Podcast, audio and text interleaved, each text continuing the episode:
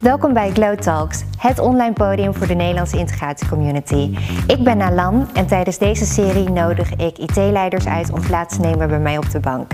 Samen voeren we een goed gesprek over onderwerpen zoals API-strategie, governance en de business impact van integratie.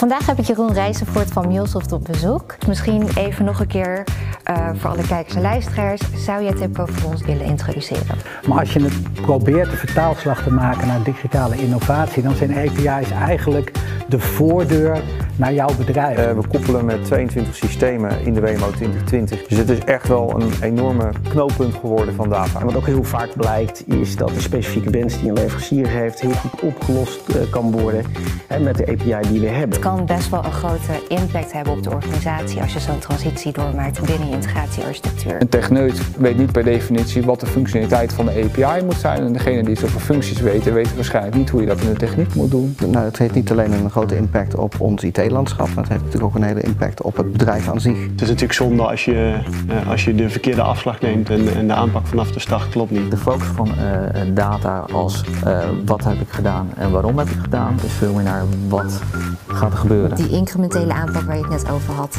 key is om echt het draagvlak te kunnen creëren voor integratie. Je moet een integratie capability hebben, maar daar horen ook mensen bij die zichtbaar zijn in de organisatie. Willen we de governance meer vorm gaan geven. Als je dan kijkt naar wat je tot nu toe hebt bereikt in de afgelopen jaren, waar ben je dan het meest trots op? Waarom roept er niemand en kat? Geen idee. Heb je niet een andere vraag? en, en